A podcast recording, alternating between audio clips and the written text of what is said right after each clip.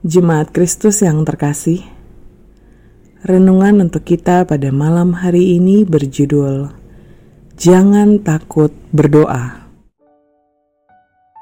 Dan bacaan firman Tuhan diambil dari kitab Lukas pasal 11 ayatnya yang ke-9 sampai dengan ayat 13.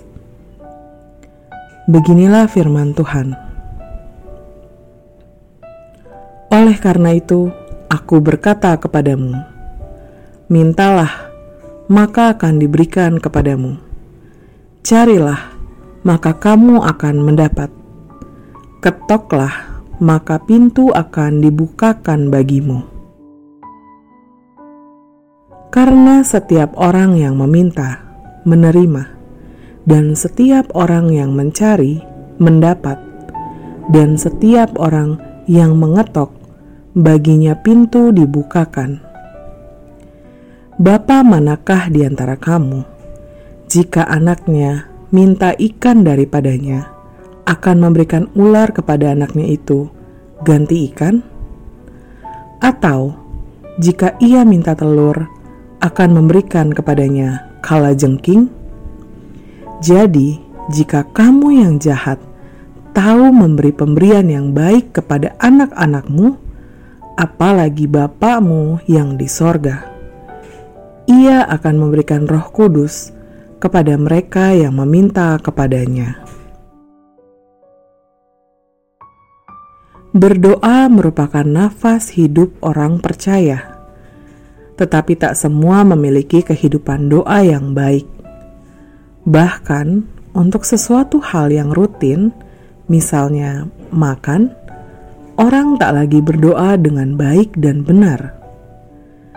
Kita menjadi sepele dengan doa karena berdoa tak memerlukan usaha yang banyak.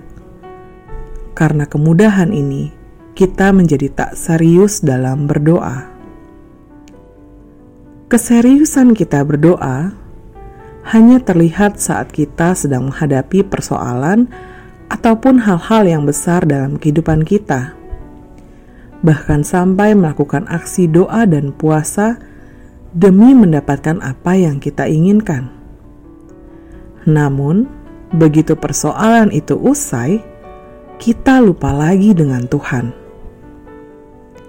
Kecenderungan yang lain adalah kita takut untuk berdoa. Takut karena kita merasa menjadi orang yang paling berdosa, sehingga merasa tak layak untuk menaikkan pujian dan permohonan. Ketakutan ini tak jarang membuat kita salah langkah yang akan kita sesali di kemudian hari. Oleh karena itu, marilah kita kembali menyadari bahwa Allah tak pernah menolak kita saat berdoa. Ia selalu mendengar dan memberikan perhatian pada setiap syukur dan permohonan kita.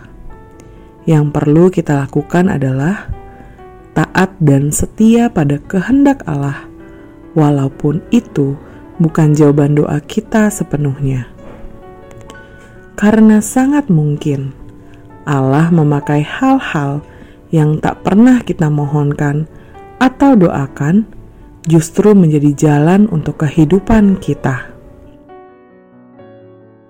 Jangan jemu untuk berdoa. Naikkanlah setiap permohonan dan syukur kepadanya. Demikianlah renungan pada malam hari ini.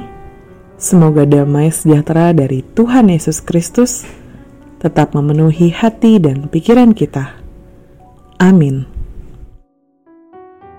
Jemaat yang terkasih, mari kita bersatu hati menaikkan pokok-pokok doa yang ada dalam gerakan doa 21 GKI Sarua Indah. Mari kita berdoa.